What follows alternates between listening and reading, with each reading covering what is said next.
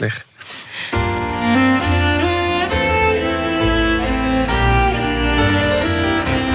Het spoor terug.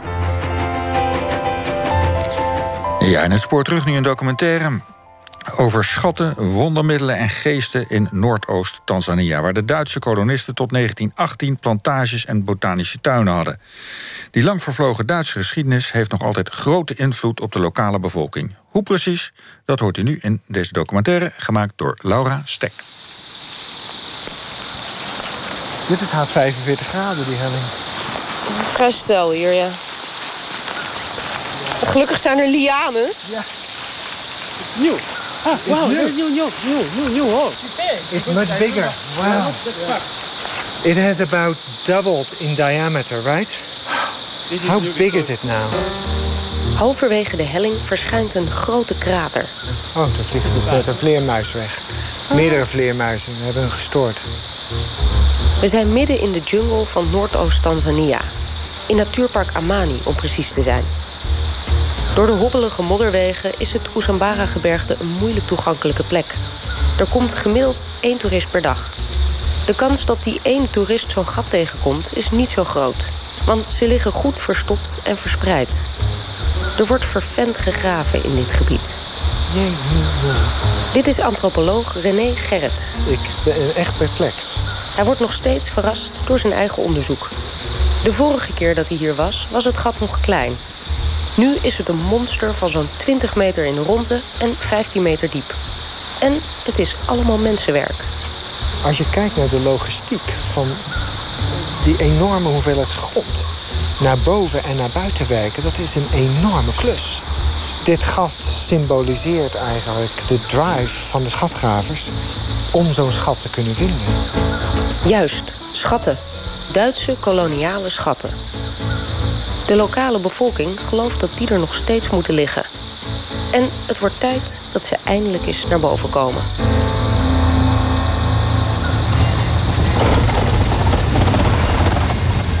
In een zoektocht naar die mysterieuze schatten en hun gravers naderen we een paar dagen eerder het natuurreservaat. We zijn omringd door tiekplantages. En we passeren van dorpje naar dorpje, zoals je ziet en hoort, op een ongeplaveide weg die redelijk on, eh, onregelmatig is. René Gerrits komt hier regelmatig. Mambo, habari gani? Tijdens zijn promotieonderzoek woonde hij twee jaar in Zuid-Tanzania. Samen met zijn aangewaaide huisaap Mzungu. Ik vond het een hele goede aap en, eh, en mis hem eigenlijk nog steeds een beetje. De afgelopen jaren kwam hij terug om samen met een internationaal onderzoeksteam de nalatenschap van het koloniale verleden in Afrika te onderzoeken. Gerrits kwam hier, in de oostelijke Oesambara's terecht, waar de Duitsers eind 19e eeuw arriveerden. Kwamen onder andere voor het tropische hardhout, waarmee ze de rest van Duits Oost-Afrika konden opbouwen. Daarvoor legden ze een spoorlijn aan. In een grote groene bocht verschijnt een duidelijk Duits stationsgebouw. Het ziet er een beetje uit als een chaletvormig gebouwtje... wat je ook in, in zuidelijk Duitsland zou kunnen zien. Midden in de jungle, omgeven door hele hoge bomen. En dat staat op grondvesten van hele stevige stenen blokken. En dat is een typisch vorm eh, van Duitse architectuur... die je in de koloniën tegenkomt. Ik neem aan dat de deur dicht is. Kijk even. Is dicht. Als je naar binnen gaat, zie je een verzameling van eh, lokale objecten. Waaronder ook een hele mooie foto uit de Duitse tijd van mannen en één vrouw. Met van, die mannen droegen van die torenhoeden. Die eh, een kegelbaan hadden. Wat eh, in Duitsland toen die tijd eh, heel gewoon was. En dat hadden ze hier dus ook in Amani. Als je binnenkomt, dan ruik je een donker hout. En het is net alsof je in Duitsland in de bergen bent, in, in, in, in Beieren of in Saxe. Waar je ook van die huizen hebt die uit, eh, uit, een, uit een zwaar hout gemaakt zijn. Die dan ook met was bedekt zijn, waardoor ze een bepaalde geur krijgen. En dat krijg je hier ook als je naar binnen loopt. Het is heel eigenaardig. Dus dit is een van de eerste tekenen als je het park binnengaat... van dat de Duitsers hier Ja. eh, zijn geweest. Ja, dat is de eerste hele duidelijke teken. En het is niet het enige teken. Het hele oerwoud blijkt vol te staan met die degelijke Duitse huizen. Amani was een belangrijke plek voor Duits Oost-Afrika. Er heerst een relatief koel microklimaat met veel regen. Dat was goed voor de plantengroei en aangenaam voor de oververhitte Duitsers. Maar in 1902 kreeg de plek pas echt naam. Toen werd hier een prestigieus landbouwkundig onderzoeksinstituut gebouwd. Neem hier maar even niet op, want ik raak buiten adem tegen de tijd dat we boven zijn. Tijdelijk in. Is nog een glad. Het complex ligt er nog altijd, op zo'n 1000 meter hoogte. Nou, op deze bergkam ligt het instituut. En ze liggen in een soort van eh, halve maan over de bergkam. even We wachten even. Ja. Het instituut werd vooral gebouwd om de noodlijdende koffieplantages te redden. Door de nieuwe kennis werden die succesvol vervangen door theeplantages. En met een groots aangelegde botanische tuin kweekten ze allerlei nuttige plantensoorten. Bijvoorbeeld uh, kinabomen zijn een interessant voorbeeld van uh, bomen die ook een heel belangrijk militair strategisch nut hadden. Want uit kinabomen werd kinine gemaakt, wat toen de tijd het enige werkzame medicijn was tegen malaria. En malaria, samen met gele koorts, waren tot voor de Tweede Wereldoorlog de belangrijkste tropenziekte. En uh, waaraan heel veel mensen doodgingen. En die in veel gebieden van Afrika de ontwikkeling van de koloniën enorm tegenstonden. Dus uh, Kinine is een voorbeeld van een boom die ook uh, economische waarde had, maar vooral ook strategische waarde. Maar ook veel andere planten werden hier gecultiveerd, zoals bijvoorbeeld sisal. En sisal leverde een belangrijke vezel voor uh, het maken van banden, het maken van touw. Dus dat strategische denken van koloniale keizerrijken was heel belangrijk voor de invulling van dit soort onderzoeksinstituten, omdat ze daarmee hun onafhankelijkheid van andere keizerrijken konden verminderen. Het wemelde hier dus van de planters en de landbouwwetenschappers. Het was een bruisend centrum. Maar inmiddels gebeurt er weinig meer. Het instituut bleef ook tijdens de daaropvolgende Britse periode en tot na de Tanzaniaanse onafhankelijkheid bestaan. Maar sinds 2005 is het gesloten. De laboratoria vangen stof en de bibliotheek wordt langzaam opgegeten door wormen. Tegenwoordig als je mensen vraagt van ja, wat is dit instituut nou? Dan zullen ze zeggen Amani Imkufa. Uh, Amani is gestorven. Het leeuwendeel van de wetenschappers zijn weg. En daarmee is ook een heel groot gedeelte van de economische activiteit in dit gebied verdwenen. Toch zijn er nog mensen op het terrein. In de lege ruimte leest een bibliothecaris een krantje. En er lopen een soort conciërges in halflange jassen rond. Het instituut wordt nog steeds bewaakt. Dus de schatgravers zijn nog niet begonnen op dit instituut zelf.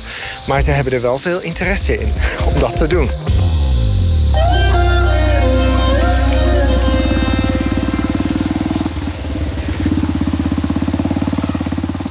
De lokale gravers zijn dus gericht op Duitse overblijfselen. Want daar zou eventueel iets kunnen liggen. Op de motor vertrekken we naar een Duits huis in de buurt waar geen bewaking is. Nou, er komt nu een gigantische modderpoel aan. Ik hoop dat we dit gaan redden, want er staat al een gestrande bus in de berm. Maar Alois gaat heel behendig uh, door de modder heen. Alois Mokongwa is onze gids. Net als veel andere bewoners in de Oezambara's heeft hij een Duitse naam. Alois is hier geboren en getogen en kent het gebied en de mensen goed. Hij heeft beloofd zijn best te doen via via een afspraak te regelen met de mysterieuze schatgravers. René heeft de gravers al eerder ontmoet voor zijn onderzoek. Maar omdat graven illegaal is, is een afspraak nooit te garanderen. Uh, nou, het begint daar al. We zien al allerlei veranderingen. Tussen de cacaobomen en de cassaves staat een statig huis. Gebouwd voor de opzichter van theeplantage Derema. Derema is de oudste plantage in Duits-Oost-Afrika. Dit huis, zoals vele huizen in deze, hier in de bergen... heeft een fantastisch uitzicht uh, naar beneden, naar de vallei. Dus dit huis is al meer dan twintig jaar niet meer in gebruik. En uh, wij hebben dit huis gevolgd in het kader van ons onderzoek... omdat we wisten dat hier veel gegraven was. Een duidelijk voorbeeld van Duitse architectuur. En nu zien we dat bijvoorbeeld bij de oude trap die naar het huis toe leidt... is net een meter links daarvan is een nieuw gat gemaakt in de, in de muur. Uh, the door is uh, moved. Yes. That's the front Yeah. door. But also inside that room, they have digging just recently. Oh, they just started digging. Digging again, oh, let's, yeah. let's check that out. So that's another recent dig. We kunnen er gevaarloos in of... uh, Ja, we moeten even kijken dat er geen losse vloerplaten zijn en dat soort dingen. Maar het is heel stevig gebouwd dat ondanks de vernielingen... die toch wel heel groot zijn... eh, je hier nog steeds redelijk veilig kunt lopen. Maar waarom zijn die gravers nou eigenlijk specifiek gericht op de Duitsers? En bijvoorbeeld niet op de Britten? Duits Oost-Afrika werd na de Eerste Wereldoorlog grotendeels veroverd door de Britse en Belgische troepen. En de Duitsers werden geïnterneerd. Het Duitse eigendom werd onteigend en overgedragen. De Engelsen namen de Duitse kolonie over en bleven daar tot de onafhankelijkheid in 1961. Die hebben er dus veel recenter en veel langer gezeten. Toevallig staat er vlakbij een huis van Britse makelij. Je ziet aan de buitenkant eh, dat het nogal bouwvallig is. Het is al lang niet meer geverfd. De schoorsteen staat op het punt van omkieperen. Eh, er zijn allerlei barsten ingekomen vanwege verzakkingen. Het wordt al heel lang niet meer bijgehouden. Er is een belangrijk verschil tussen de eh, Duitse manier van bouwen... en de Engelse manier van bouwen. De Duitsers die gingen ervan uit dat ze hier eeuwig aanwezig waren. En eh, zo, zo gingen ze Oost-Afrika ontwikkelen. En de architectuur verraadt die denkwijze. Want ze hebben op een hele solide manier gebouwd. Ze werkten met zorgvuldig gehouden blokken graniet... en lieten het cement speciaal overkomen uit Duitsland. Dus die, die, ja, die bouwtechnieken die waren heel solide. En dat voegt toe aan het denken over de Duitse tijd. Want dat is wel heel lang geleden, maar men dacht de Duitsers die waren heel krachtig. Die konden heel veel organiseren. En die gebouwen zijn eigenlijk nog de getuigenis daarvan. En uh, een hoop van de ideeën die, we tegen, die je tegenwoordig tegenkomt in dit gebied... hebben juist te maken met die veerkracht van die gebouwen. Ah. Last time when you visit here, we couldn't see this one. So this is new. Ze hebben hier waarschijnlijk onder in de kelder gegraven. En dan hebben ze het, uh, het overblijvende materiaal weer naar dit gat gegooid. De stevige gebouwen zijn dus een belangrijke metafoor... voor het rijke en krachtige Duitse keizerrijk. Maar de gravers baseren zich niet alleen op symboliek. Die hoop die is toch gebaseerd op een, ja, op een historisch feit. Dat de Duitsers zonder bezittingen, zonder alles wat ze hebben opgebouwd... in Oost-Afrika, terecht of onterecht gedeporteerd zijn. En die bezittingen bleven achter. En ze hadden natuurlijk ook een heleboel waardevolle dingen. Veel van die waardevolle dingen zijn verdwenen. Dus dat onderbouwt ook eigenlijk een beetje die logica van de schatgraverij. Want de Duitsers zouden hier blijven. Dus dan hebben ze waarschijnlijk ergens dingen begraven... omdat ze toch een dag terug zouden komen. Ze wilden allereerst helemaal niet weg. En de gedachte was dat ze terug zouden komen. En dat is toch een belangrijke inspiratiebron... voor de hoop van deze schatgravers. Het, het heeft zijn eigen logica. Ik zie ook dat in de schoorsteen waarschijnlijk wat activiteiten zijn geweest. Misschien was dat vuur. Er zijn wel vrij veel stenen naar beneden gekomen. Ik word steeds nieuwsgieriger naar de gravers. Vooralsnog zien we alleen hun sporen. Do you think they were looking inside the chimney? Yes, they were looking at it because you see here. That's Rond de gesloopte haard staat ook kleurige graffiti op de muur. Er zit een grote rode man met een hangend hoofd tussen zijn benen. Africa too much staat erbij. it means he has seen different and difficulty or issues which are so uh, uh, disturbing him, and then he tried to think that ah, Africa is too much.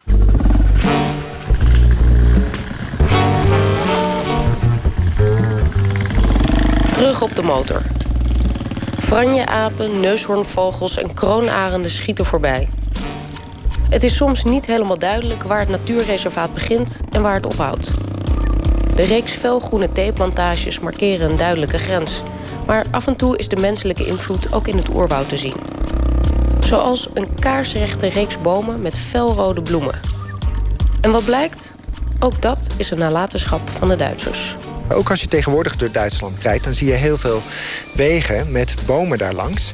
Uh, uh, alleen worden die genoemd, alleenstraßen. En, uh, en ja, hier werd dan de tropische variant van gemaakt. Ik vind het wel een grappig idee dat de Duitsers hebben geprobeerd... hier midden in de jungle alleen aan te leggen. Ja, ja, ja, de Britten deden het niet. En sinds onafhankelijkheid worden ook niet meer bewust bomen geplant op die manier.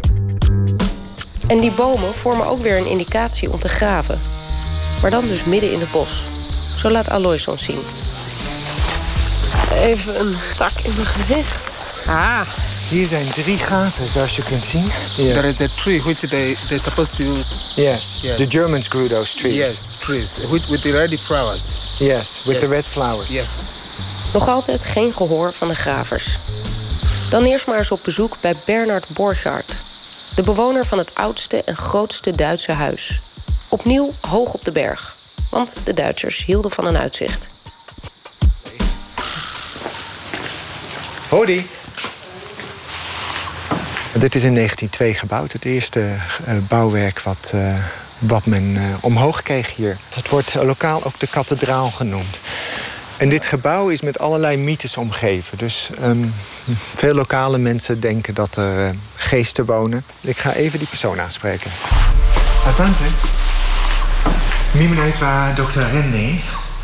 Na nani nili van hapa. René groet een verlegen meisje.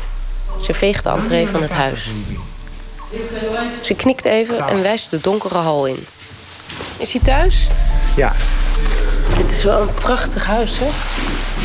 Maar ik kan me ook voorstellen dat mensen denken dat hier geesten wonen. Ja. Good morning. Good morning. Come on in. I thought it was you. I'm sorry, I'm still in my, my. How are you? How are you doing? It's absolutely good to see you. Vanaf de trap komt een lange rechte man naar beneden stuiven. Het is vier uur, maar hij heeft zijn pyjama nog aan. Als Bernard Borchardt zich omkleedt, hebben wij even tijd om rond te kijken. Het is alsof de tijd heeft stilgestaan. De houten lambrissering, de koloniale hemelbedden, de ouderwetse lichtknopjes. Alles lijkt onveranderd. Borchardt verschijnt opnieuw. Ditmaal in een keurig geruit overhemd en zwart leren schoenen. Right, I'm Bernard Borchardt. I was born in Botswana and I've lived in various parts of Africa over the years. I regard myself very much as an African. I had a stint of about 13 years in the UK, which worked out well business wise, but because I'm an African, I returned home eventually. I now live in Tanzania in this rather magnificent old house. Borchardt beschouwt zichzelf als Afrikaan. Hij werd geboren in Botswana als zoon van een Britse moeder en een Duitse vader. Zijn vrouw werkt voor de VN en is vaak weg. Zijn zesjarige dochter zit op kostschool in Kenia. Hij zit dus vaak alleen hier op de berg. Is hij niet bang voor geesten? I think I said to Renee some time ago if there are ghosts in there, I'm rather keen to meet them. So that would please me enormously. But you didn't meet them so far. no, sadly not. I would like to meet them. I really would. Hij zou de geesten graag ontmoeten, zegt hij. Hij biedt ons thee aan in zijn tuin, met een geweldig uitzicht op zee. Zijn hulp komt aan met een dienblad met daarop een klassiek servies. Het heeft iets bevreemdends, zo'n grote blanke man in zijn eentje in een Duits koloniaal vergane gloriehuis. En de Pruisen stonden niet bekend als prettige mensen. Het was een keihard regime. Was ook duidelijk gebaseerd op, op exploitatie. Heel anders dan uh, bijvoorbeeld de Franse koloniale heerschap. Waar toch wel een idee was dat, uh, dat niet-Fransen uh, met de juiste dosis beschaving een beetje Frans konden worden.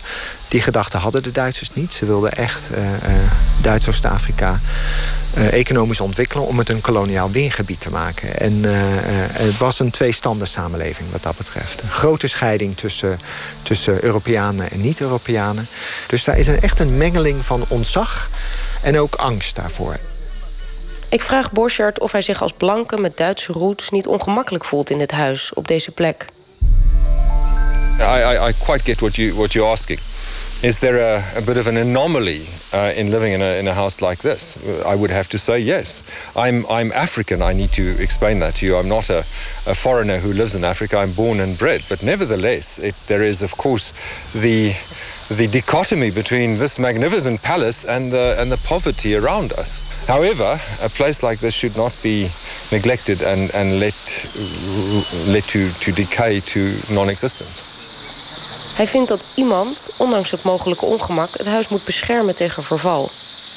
Hij probeert al een tijdje een langer contract te krijgen, maar dat ligt ingewikkeld bij de lokale autoriteiten. Hij is bang dat als het huis verlaten wordt, het nog meer in verval raakt en ten prooi kan vallen aan de schatgravers. It does concern me when such rumors uh, get get propagated because it means that if I was not here, that they would invade the house and destroy the remaining furniture and, and, and antiques and things that are in the house. And there are quite a few of those. A few minutes ago, we were speaking to Alois, who told us about another similar house to this that had already been completely ransacked, of which is only the walls and the roof standing. So it does happen, and frequently. And do you think it's realistic that there are still some German treasure buried somewhere here on this terrain? No, frankly, I think that's absurd. Borchardt gelooft niet in de schatten. Maar dat maakt de mogelijke schade niet minder reëel. Hij zou graag zien dat de Duitse overheid zich meer zou bekommeren om het erfgoed. Governments, in particular the German government, have not taken much note of this entire area and in particular this house because it really deserves better attention. Frankrijk gaat op een hele andere manier om met zijn koloniale verleden. En er wordt in, in voormalige Franse koloniën worden die Frans-koloniale banden nog heel vaak gevierd. En dat zie je hier niet. I spent a bit of time in Paris in the last couple of weeks. And Napoleon's Arc de Triomphe is still being maintained to this day. So I cannot see any reason why they shouldn't acknowledge the past and, and maintain the, the good parts of that. En niet alleen voor die gebouwen, maar dat zou ook een stuk erkenning zijn voor de lokale mensen. Als ze zouden zien dat er wat investeringen komen om een aantal gebouwen op te knappen, dan ziet men dat ook als erkenning. Dat is ook ons verleden. En misschien leidt dat ook tot wat meer economische ontwikkeling. De Oost-Oesambares zijn moeilijk toegankelijk, zoals je zelf meermaals hebt ervaren. En er komen niet zo heel veel toeristen. Het is een prachtig gebied. Maar als er wat trekpleisters zouden zijn... dan zou er misschien meer toerisme komen... wat, wat op zich de economie zou kunnen helpen. Dus daar zou men ook blij mee zijn. It's high time that um, across the world... the Western powers take responsibility for what had happened... and move beyond that. We laten Bernard Borchardt achter in zijn huis. Vlak bij ons guesthouse is het nu drukker dan normaal. Er staan mannen in grote lange jassen met geweren voor een truck. Er zijn een paar mannen opgepakt, vertelt Alois. Goudgravers. Ik ben even in de war. Zijn dat dezelfde mensen als de schatgravers? Alois legt het uit. Hier in de Oesambara's ligt alluviaal goud. En er zijn grote criminele organisaties die diep in het oerwoud met wel 200 mensen tegelijk graven naar dat goud. But it's not easy to go there because there are some people who are protecting the area like rebels. Yes, so if you go with them, they can kill you because the place where can produce a lot of money. So it's like a mafia in the forest. Yes, if you go there, anything can happen with you. I know what can happen. Het is gevaarlijk om die goudpraktijken hier vlak achter in het bos op te sporen. Ook voor de parkleiding, die nu alleen een paar kleine vissen heeft gepakt. Ze zitten met hun handen in het haar. De goudgravers gebruiken veel schadelijke chemicaliën en halen bomen neer. Ik vraag hem of er ook mensen zijn die beide doen: goud zoeken en schatgraven. Alois zegt dat het naast elkaar bestaat. Het goud zoeken is een financiële zekerheid, een betaalde baan in een grote organisatie. De Duitse schatten zoeken ze in hun eigen tijd. En soms stoppen ze het geld van het goud zoeken weer in hun eigen zoektocht naar de schatten. Want zo'n Duitse schat kan veel meer opleveren, wordt gedacht. A treasure digging, the mindset is thinking that at any time they can be billionaires.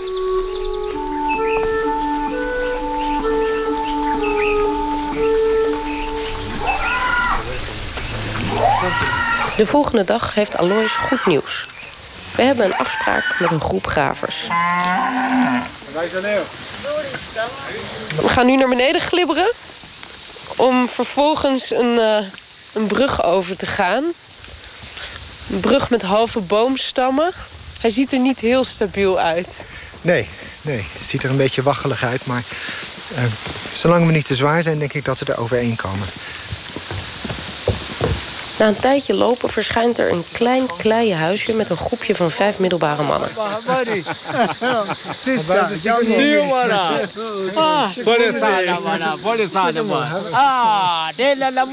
René schudt nu al ongeveer een minuut de hand van een hele oude man met een mooie hoed op.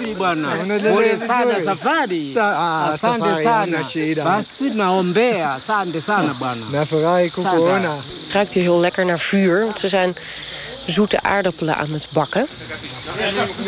We zijn nu bij één groep en die wordt geleid door, door Mzee Changro. Maar we zijn in het huis, in een ander huis, ergens uh, ongeveer 100 meter van de, uh, van de weg af. Omdat we hier niet gezien kunnen worden. Als we naar het huis van Mzee Changro zouden gaan... dan uh, zouden we makkelijk gezien worden omdat hij in een soort van dorp woont. Deze plek is behoorlijk afgelegen, want niemand kan ons zien vanaf de weg. De groepsleider zit nu met een gigantisch mes in een stuk hout te slaan... om ons zitje te verstevigen, hè, geloof ik. Ja, daar lijkt het op. Iedereen komt in de kring zitten voor de officiële meeting. De voorzitter draagt een hoedje met tijgerprint, de oudste graver heeft een lange jurk aan... en de secretaris heeft pen en papier voor de notulen. Ze vormen een vereniging met een duidelijke hiërarchie en taakverdeling. Ze stellen zichzelf één voor één voor. Rafael Emmanuel. Mimi ni Asmani Salimu Hiza. Mimi kwa jina naitwa Frank Mwina. Mimi kwa jina naitwa Saidi Twana. Mimi naitwa Faustini Ndoga. Ik ben benieuwd hoe ze werken. De oudste man steekt van wal. Hij is nu 84 jaar en heeft vroeger op een theeplantage gewerkt. Bila madawa hujafanikiwa. Kwa hiyo mimi nimekomeshea hapo, labda wenzangu nao wataendelea na mazungumzo mengine. So they were searching for these treasures for a long time, since it's now 40 years, looking for the treasure, but he couldn't find it.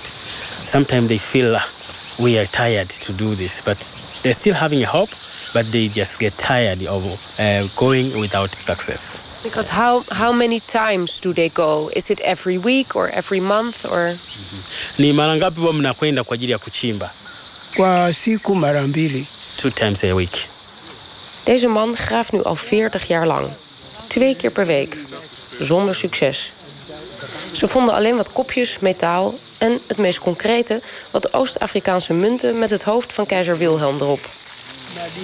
Die beeldvorming over de harde, maar effectieve Duitsers... die hier kwamen om te blijven, blijkt inderdaad te kloppen. Nafikiria tutawasaidia watu hivyo mali ya kwao ikarudi kwao. They have done so much and they prepare everything here. But the British, they didn't think that way because they know this is just a, uh, uh, somewhere they can just pass for time for some time and leave. So there's a difference between the German and the British. That's why they still continuing digging the uh, the place where the German lived because they know that there's some uh, valuable things down in there. And do they have an explanation for the fact that they never found anything? E, sababu zipo kwa sababu unapo kwa sababu unapokwenda kuangalia kuwa hapa unaweza ukachimba ukapata. De mannen kijken ons extra lang aan bij de vraag waarom ze nooit iets hebben gevonden. Het ligt aan de Duitse geesten, verklaren ze. De Duitsers hebben een heel andere cultuur, dus die hebben de schatten met hun eigen wondermiddelen en geesten beschermd. De gravers raadplegen dan wel hun eigen natuurgenezers en voeren rituelen uit, maar dat is niet voldoende. In order to, to, to, to get out those uh, stuff, they have to find the, German uh, spirit and the German medicine. Het missende deel in hun, in hun optiek is medicijnen, wat zij dawa noemen. Dawa in, in de Oost-Afrikaanse context is een medicijn is iets wat de werkelijkheid kan transformeren. Dus dat moet je niet zien als een soort van medicijn zoals we dat in het Westen gebruiken. Alles wat de voorvaderen kan bezweren en daardoor eh, ellende kan vermijden, dat wordt gezien als een medicijn. Dus zij weten niet hoe ze die Duitse geesten moeten bezweren. Die Duitse geesten zorgen ervoor dat die schatten verdwijnen, dat ze die niet kunnen krijgen. En zij horen dat Duitsers, als ze komen, die schatten wel kunnen krijgen. And they, they, they think that once they get this German uh, uh, medicine, it could help them to get out. That's where they stuck. Kwa hiyo mnaweza mkatoa majibu. Een van de mannen begint met dreigende intonatie te vertellen. Kuvunja ile mnakuta bati kama uko nyumbani vizuri. Hij spreidt zijn armen en maakt een groot valgebaar. Kuendelea hapa unakuta hakuna kitu. Eh, uh, the spirit uh, will sometimes cause trouble or problem to the diggers. And uh, it happened sometime when they were digging in the area. Uh, it, uh, someone could feel like he, he has been thrown away. So they think uh, spirit does that. De Duitse geesten verhinderen regelmatig de gravenactiviteiten, zeggen ze.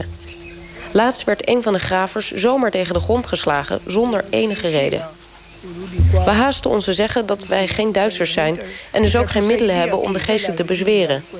Maar dat pleit ons nog niet vrij van hun missie. Irudi Kaiser. That's what you, they were expecting from you guys. If you can take the story and explain to the German that this and that what they are doing. And do the Germans have to come here with the medicine to talk with the German spirits physically? Ina maana sisi tukipata mfano labda kama mfano Ik vraag of de Duitsers hierheen moeten komen om te helpen. Bij die vraag lees ik enige paniek in de ogen van de mannen. They cannot let the German come here and take out things. Het is een dilemma. Ze willen natuurlijk niet dat de Duitsers zelf hun schatten komen halen. Maar ze hebben wel hulp nodig. Omdat René ooit heeft laten vallen dat hij een Duitse moeder heeft... richten ze zich, vriendelijk, maar ook met enige argwaan, vooral tot hem. atatufikisha. Ndio maana tumesema Wajerumani watapata habari zetu kwa dokta. So they think that uh, Dr. Rene is going to help them reaching the end of uh, searching because they've been doing it for a long time. Het feit dat ik in het onderwerp geïnteresseerd ben... en het feit dat ik begrijp hoe, eh, hoe ze er tegenaan kijken... is verdacht. Dus waarom zou een Mzungu, een blanke zoals ik... zoveel aandacht besteden aan die ervaringen... en die gedachtenwereld van die schatgravers? En denken ze dat ik misschien zelf achter die schatten aan wil... en dat er misschien bij mij iets ontbreekt in mijn kennis... en dat ik van hen iets wil leren om die schatten op te kunnen graven. Dus je ziet soms een dans van beide kanten. We beloven de vraag naar het Duitse middel via de radio te verspreiden. We mogen niet bij het graven en het graafritueel aanwezig zijn. Maar als dank krijgen we wel een groot en warm cadeau. Uh, we chicken gift from the guys. Ah, a, a live chicken. Yeah, live. Ah, Oké, and we have to take it on the motor. Ja, we krijgen een levende kip mee op de motor. Als cadeau.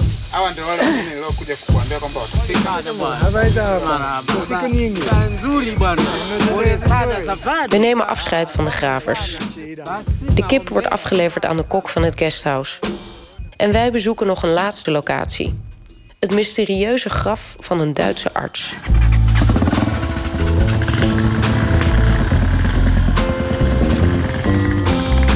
De verlaten steen ligt midden in een theeplantage met fantastisch uitzicht op de blauwe mistige Oesambara's. Als we de laatste bocht omrijden, wordt de aandacht van Alois opeens gewekt door drie mannen die zich vanaf de plek van het graf uit de voeten maken. Huh? They were digging now. Ja? Er liepen net een- nou ja, een groepje mannen liep het bos in toen we aankwamen. Het is hier ontzettend uitgestorven. Dus het was wel een beetje vreemd dat hier eh, mensen liepen. En nu blijkt dat ze hier inderdaad hebben lopen graven. Het is wel heel toevallig, zeg. Wauw. Oh, wauw. Je ziet dat het... De aarde is vers uitgegraven. Die mannen waren hier aan het graven, die liepen hier vandaan. Die zagen dus dat er mensen kwamen. En die waren begonnen met graven om de grafsteen heen. Ze zijn net weggerend. Het lijkt echt alsof we dit nu stage, hè? Ja, maar dat is gewoon niet Dit zo. is niet gestaged. This is real, right? These are real diggers. Surprise. Yes, it's total surprise. Dit is ongelooflijk. Dus dit is, in zover ik weet, het enige graf hier in de bergen... waar ook duidelijk is dat het om een Duits graf gaat. Want eh, op de grafsteen kun je de naam van een dokter Felix lezen... die hier gestorven is als jonge man. Kunnen we En- de aarde een beetje weghalen? Ja. En we zagen die drie mannen de helling oplopen. Daar zijn ze ergens het bos in verdwenen. Wanneer naar Kula of Kuluju? Hier en daar. Ze zijn in het woud verdwenen, zegt... eh, En zouden ze het niet raar vinden dat wij nu ook Ja. hier komen? Waarschijnlijk denken ze, als wij hier komen als drie blanken... dat dat een bewijs is dat hier schatten liggen. When he was started digging, and the, immediately the three uh, white Germans, they will not say Europeans, but they will say Germans. They were came with two Africans. So it seems like there is something. And now I am talking here, but they are around, watching what is going on. Ze, Zij zegt op dit moment zitten ze ergens vanuit die bossen naar ons te kijken wat we aan het doen zijn. Ze houden ons waarschijnlijk in de gaten.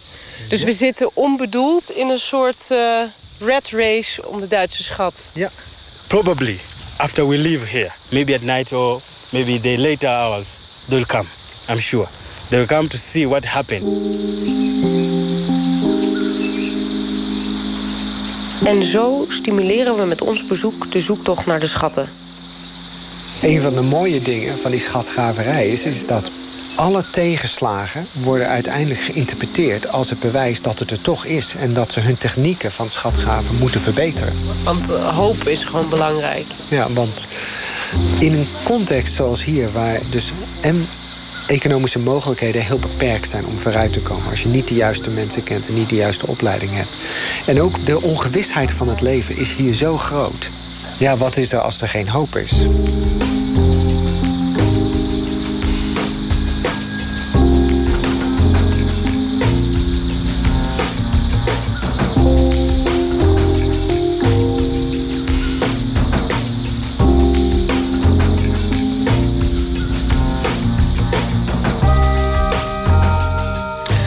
U een documentaire vanuit Tanzania van Laura Stek, gemonteerd met Berry Kamer.